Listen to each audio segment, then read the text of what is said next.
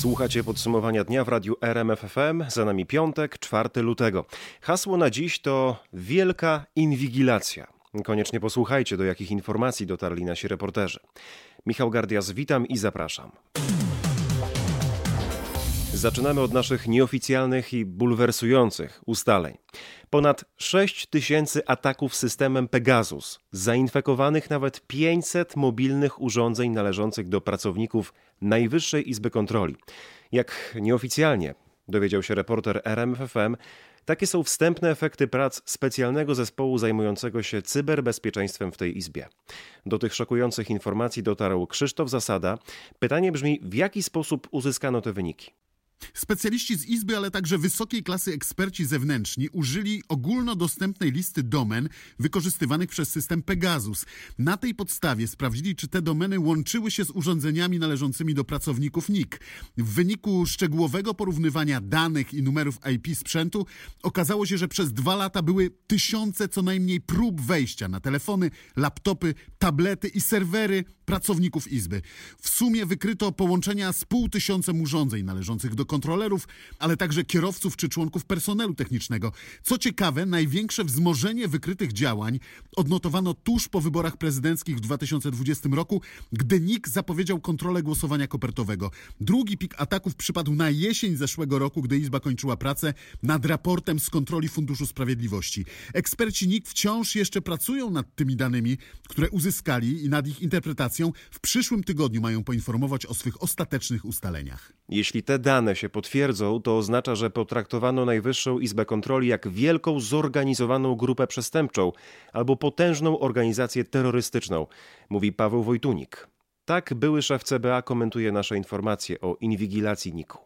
Według niego ta sytuacja może wskazywać na to, że system szpiegowski Pegasus jest wykorzystywany bezprawnie, bez żadnej kontroli. Do tego stosowany jest na niespotykanie wielką skalę. Te liczby wykraczają poza roczne ilości stosowania techniki operacyjnej w ogóle przez służbę taką jak CBA czy ABW. Wojtunik przypomniał, że techniki operacyjne stosuje się w ostateczności w związku z poważnymi podejrzeniami przestępstw. Kiedy służba specjalna czy policja posiada wiarygodne informacje o popełnionym przestępstwie i nie może zebrać tych, czy potwierdzić informacji innymi metodami. Tu, jak dodał, trudno sądzić, że setki urzędników popełniało przestępstwa. To był Krzysztof Zasada, a o tym, jakie były pierwsze reakcje polityków na te doniesienia, mówi nasz sejmowy reporter Roch Kowalski. Zaskoczeni skalą inwigilacji są nawet politycy Prawa i Sprawiedliwości. Szef senackiego klubu partii Marek Martynowski nie wiedział do końca, jak komentować działania służb w NIK-u. Jest to rzeczywiście duż, duża liczba. Mam nadzieję, że minister spraw wewnętrznych się wypowie tutaj. Chciałbym przynajmniej w to wierzyć, że, że jednak ktoś nad tym wszystkim panuje. Opozycja idzie o krok dalej i mówi o próbie zastraszenia ostatniego organu, który mógł sprawować kontrolę nad działaniami rządu, bo poprzez inwigilację służby miały dostęp do planów NIK-u, list świadków czy żądanych w przyszłości dokumentów. Obóz władzy nie cofał się przed niczym i przed nikim i nie atakował pojedynczych osób, ale atakował całe struktury. Przekonywał Bogdan Klich z Koalicji Obywatelskiej. Politycy i to z obu stron podkreślają, że w tej sytuacji rzeczywiście najlepszym wyjściem byłoby wyjaśnienie inwigilacji przez Sejmową Komisję Śledczą. Prezes Agrounii Michał Kołodziejczak, który był gościem popołudniowej rozmowy w RMFFM, twierdzi, że też był podsłuchiwany Pegasusem. Pytał go o to autor rozmowy, Marek Teichman. Nie, wie pan, ja mam potwierdzenie sześciu ataków na mój telefon y, i sześć włamań, plus y, trzy razy wyciek wszystkich danych, czyli y, ukradzenie wszystkich informacji, które tam były. Myśli pan, że tych ataków było więcej? Jestem w stanie się domyśleć, że mogło być ich więcej, bo tak naprawdę nie jesteśmy dzisiaj w stanie dokładnie tego sprawdzić i wiem, że one mogły być robione też nie tylko względem mnie, ale moich najbliższych współpracowników, no bo chodziło jednak wtedy o to, żeby jak najszybciej ukręcić łeb organizacji, która powstawała na polskiej wsi, na polskiej prowincji, czyli tam, gdzie Prawo i Sprawiedliwość miało duże poparcie. Czy jest pan zagrożeniem dla bezpieczeństwa Rzeczypospolitej? Zagrożeniem jedynie tylko i wyłącznie dla tych, y, którzy będą startowali w najbliższych wyborach. I to jest zagrożenie wyborcze, bo Agrounia. Ja jestem tego przekonany przekonany o tym, że odbierzemy bardzo dużą część wyborców Prawa, Prawo i Sprawiedliwości oraz innym partiom, które po prostu oderwały się od rzeczywistości, zapomniały o ludziach i latają teraz w jakiejś bańce po kosmosie, e, po kosmosie, który trzeba nazwać dzisiaj Sejmem. A, a co na pana mają? Jak pan sądzi? Nic. A, Nic. E, Paweł Kukis powiedział, że to, co pan powiedział o tym, że, że dostał informację od Pawła Kukiza, że mają się interesować panem służby, że to jest kłamstwo. Niestabilność emocjonalna i słaba pamięć to nie jest dobra cecha, jeżeli chodzi o polityka. Prawda jest taka, że wykorzystywał on informacje, które uzyskiwał, informacje poufne, wykorzystuje do własnych działań politycznych i to jest karygodne. Proszę sobie zwrócić uwagę, poseł, członek Komisji do Spraw Służb Specjalnych wynosi poufną wiedzę na zewnątrz. Nie, nie mogą takie, takie sytuacje mieć miejsca. E, a, a po co się spotykaliście z Pawłem Kukizem? Rozmawialiśmy nad, o, o, nadchodzących wyborach. Chcieliście współpracować? 2019 y, rozmawialiśmy o potencjalnej współpracy. A, a to nie jest tak, że dwóch trybunów ludowych się pokłóciło teraz i walczą o to, który jest bardziej ludowym trybunem? Ja się z nikim nie pokłóciłem. Y, czy jestem dobrym trybunem ludowym? Nie mnie to oceniać. Ja się po prostu dobrze czuję między ludźmi. Myślę, że mówimy podobnym językiem, tak jak chociażby na tym spotkaniu, gdzie jest ponad 200 osób y, i rozmawiamy już dwie godziny przecież nikt nie może mieć monopolu na bycie trybunem albo po prostu kimś. To tak samo jak nikt nie może mieć monopolu na bycie przewodniczącym komisji do spraw Pegasusa. Ja mówię jasno, każdy. Ale wie pan, że mówiąc. Y, cały parlament. Mówiąc to, co pan powiedział na temat e, słów Pawła Kukiza, de facto pogrzebał pan szansę na to, żeby ta komisja powstała, bo ona nie powstanie bez głosów e, Pawła Kukiza, posła Sachajko. Jeżeli e, Paweł Kukiz nie będzie jej przewodniczącym, też prawdopodobnie nie powstanie, a to oznacza, że nie będzie komisji sejmowej, która w przeciwieństwie do tej e, senackiej miałaby uprawnienia prokuratorskie, które, czyli mogłaby przesłuchiwać ludzi. Senacka może z nimi rozmawiać, sejmowa może ich przesłuchiwać. Nie powstanie. Dlaczego nie powstanie? Proszę mnie nie obarczać, że mówieniem prawdy rozwaliłem powstanie komisji. To jest w ogóle jakieś chamstwo ze strony dzisiaj Pawła Kukiza i coś niedopuszczalnego. Ja nie będę na to pozwalał. Dzisiaj Paweł Kukiz chciałby kreować się na zbawcę narodu, kiedy widzi, że przyczepił się jak rzep do psiego ogona do Jarosława Kaczyńskiego. A ja mówię jasno, to spójrzmy na innych, wybierzmy tych, którzy też mają na pieńku z wszystkimi innymi.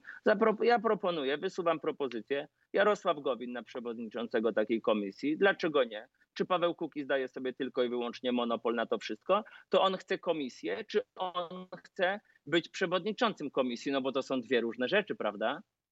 Pa, e, Paweł Kukiz mówi o tym, że chce przede wszystkim zbadać inwigilację e, za czasów Platformy Obywatelskiej też. Jestem też za tym. Zbadać jak najlepiej. Za czasów Platformy i PSL-u. Ja też chcę wiedzieć, co wtedy się działo.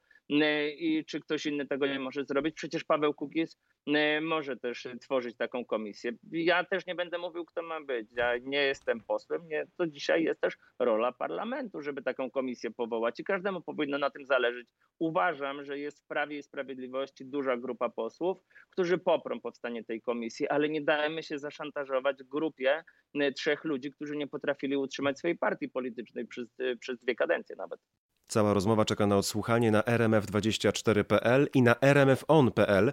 Tam możecie ją znaleźć w formie podcastu. Wrócę jeszcze do Najwyższej Izby Kontroli, bo w ciągu dnia Krzysztof Zasada dowiedział się też, że marszałek Sejmu Elżbieta Witek nie zamierza zapłacić 3000 zł kary nałożonej przez właśnie NIK za to, że nie stawiła się w charakterze świadka na wezwanie Izby.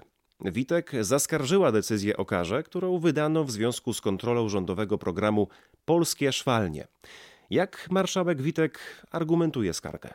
Po pierwsze tym, że o karze zdecydował zespół kontrolerów, a zgodnie z przepisami powinien jeden z nich. Po drugie przekonuje, że takiej kary nie można na nią nałożyć, bo ma immunitet poselski. Po trzecie twierdzi, że nikt nie może wezwać marszałka na świadka, bo marszałek między innymi nadzoruje Izbę. Poza tym utrzymuje, że elektroniczne wezwanie na świadka jest niezgodne z przepisami.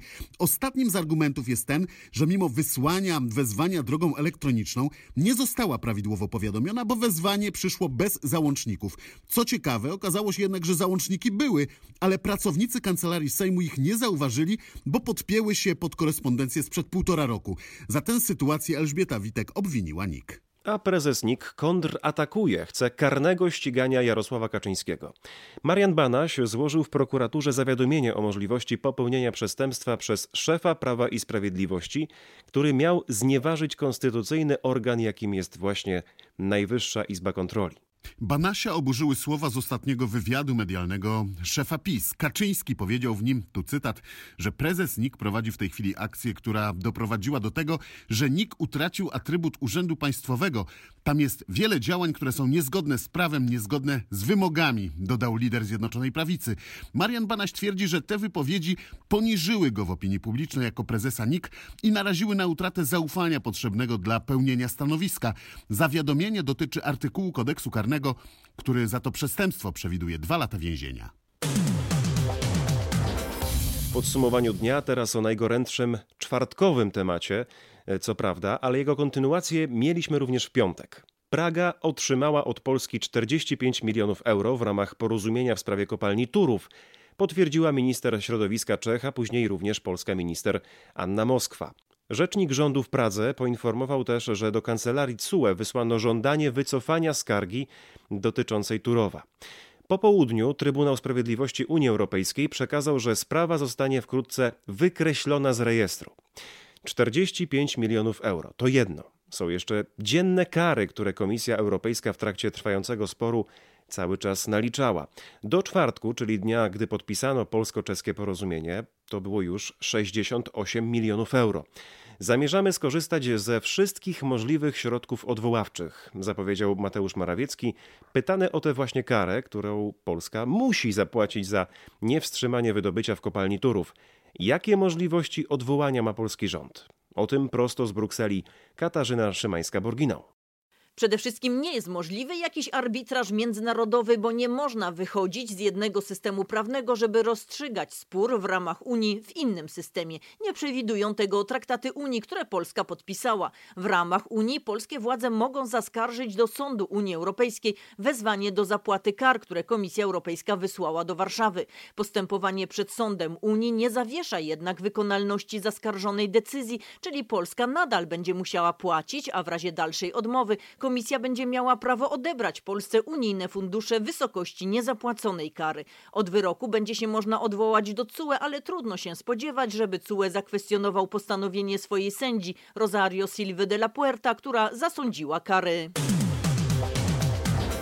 Mazowsze, Śląsk i Wielkopolska. W tych trzech regionach ostatniej doby potwierdzono najwięcej zakażeń koronawirusem. W całej Polsce wykryto ponad 47,5 tysiąca nowych przypadków.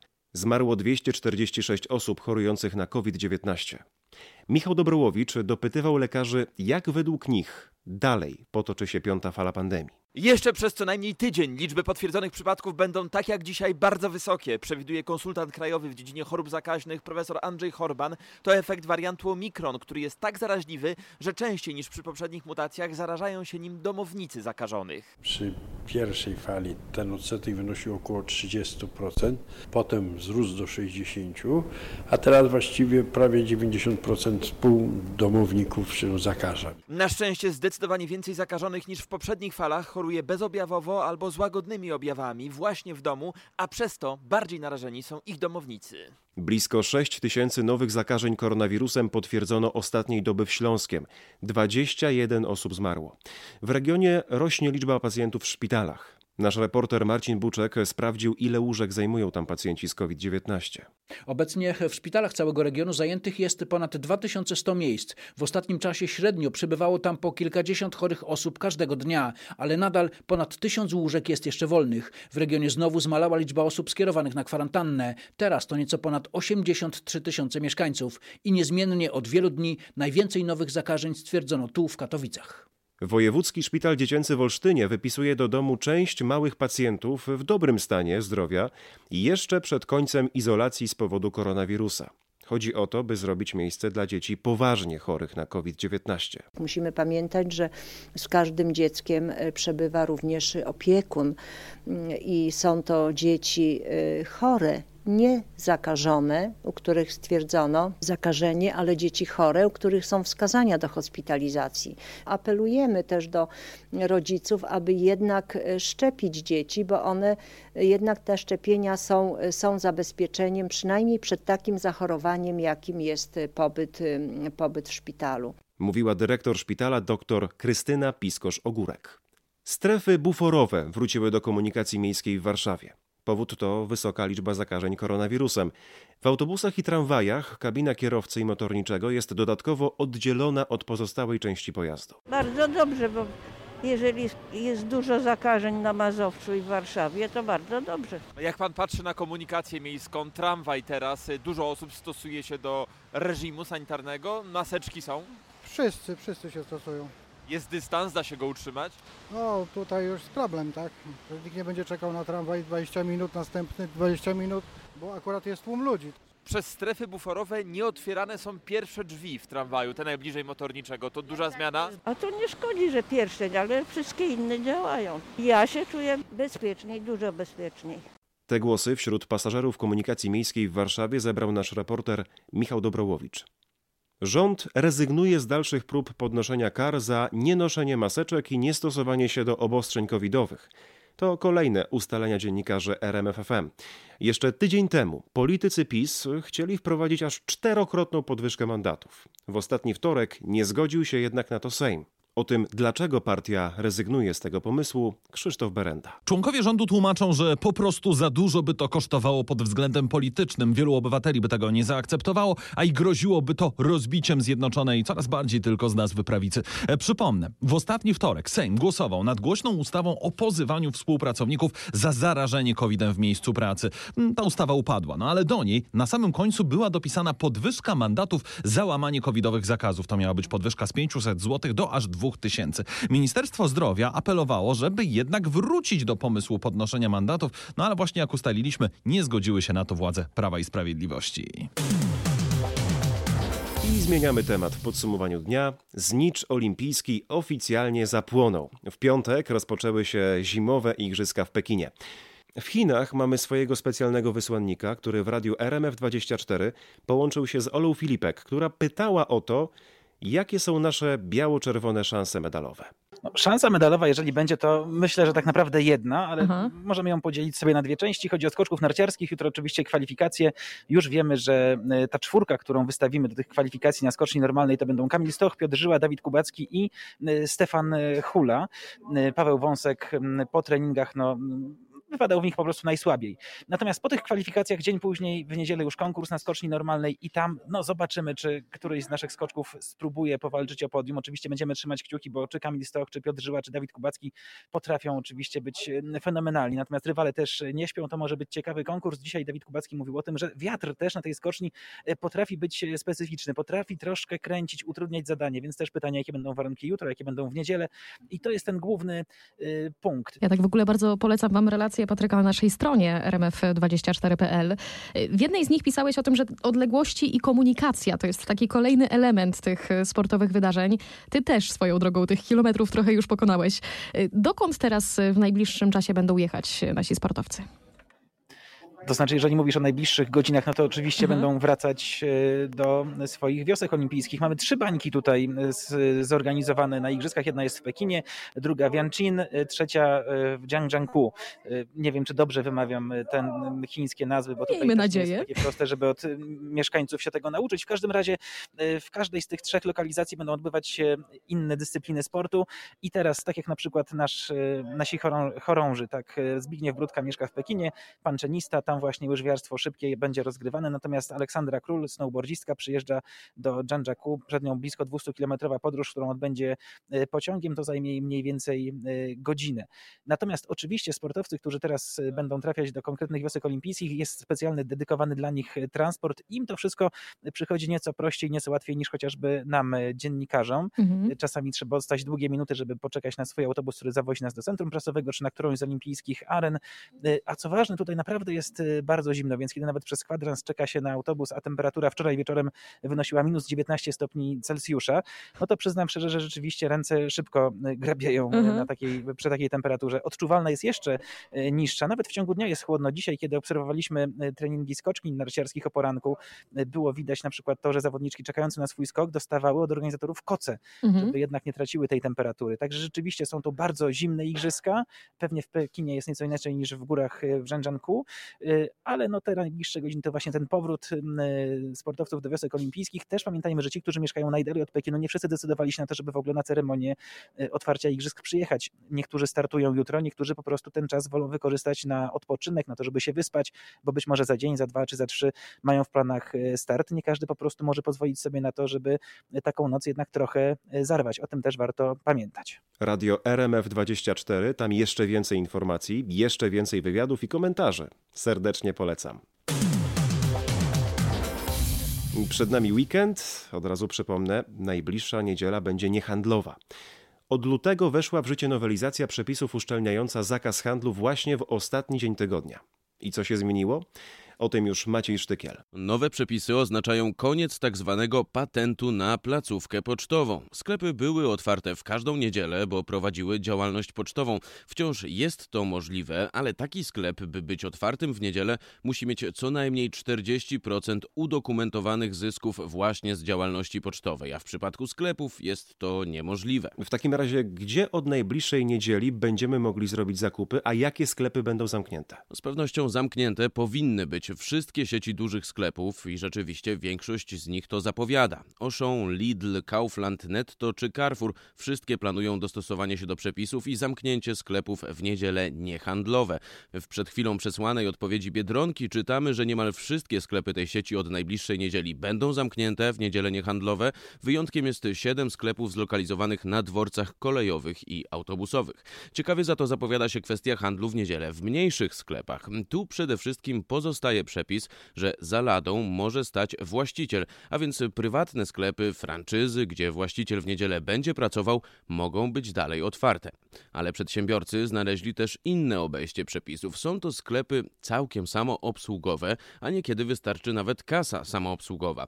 W branży spekuluje się, że wystarczy zatrudnić w sklepie ochroniarza i już taki samoobsługowy sklep mógłby być otwarty. Co więcej, na mocy ustawy covidowej można oddelegować pracownika handlu do pracy w niedzielę, ale pod warunkiem, że nie będzie uczestniczył w sprzedaży, a na przykład wykładał towar. A więc kasa samoobsługowa plus pracownik wykładający towar równa się sklep otwarty w niedzielę. Są sygnały, że właśnie tak zrobią niektóre sklepy spod znaku niedużego płaza. Czekamy na stanowisko firmy. Zresztą konkurencja patrzy na poczynania innych i jeśli będzie sposób na obejście przepisów, to pewnie niektórzy go wykorzystają, dopóki prawo nie zostanie znów uszczelnione. Oczywiście nadal w niedzielę niehandlowe otwarte mogą być kawiarnie, cukiernie, stacje paliw, kwiaciarnie czy apteki, a w tym roku pozostało już tylko sześć niedziel handlowych, najbliższa 10 kwietnia. To był Maciej Sztykiel. Przed nami śnieżny weekend w Beskidach. Według prognoz w nocy znowu można się tam spodziewać opadów śniegu i w sobotę oraz niedzielę ma być podobnie. O warunkach na stokach narciarskich teraz Marcin Buczek. Dla narciarzy warunki są dobre i bardzo dobre. Miejscami pokrywa śnieżna na stokach w Beskidach ma około metra, a zapowiadane opady, o których mówiłeś, jeszcze te warunki poprawią. Co ważne, w niektórych miejscach w Wiśle czy Szczyrku można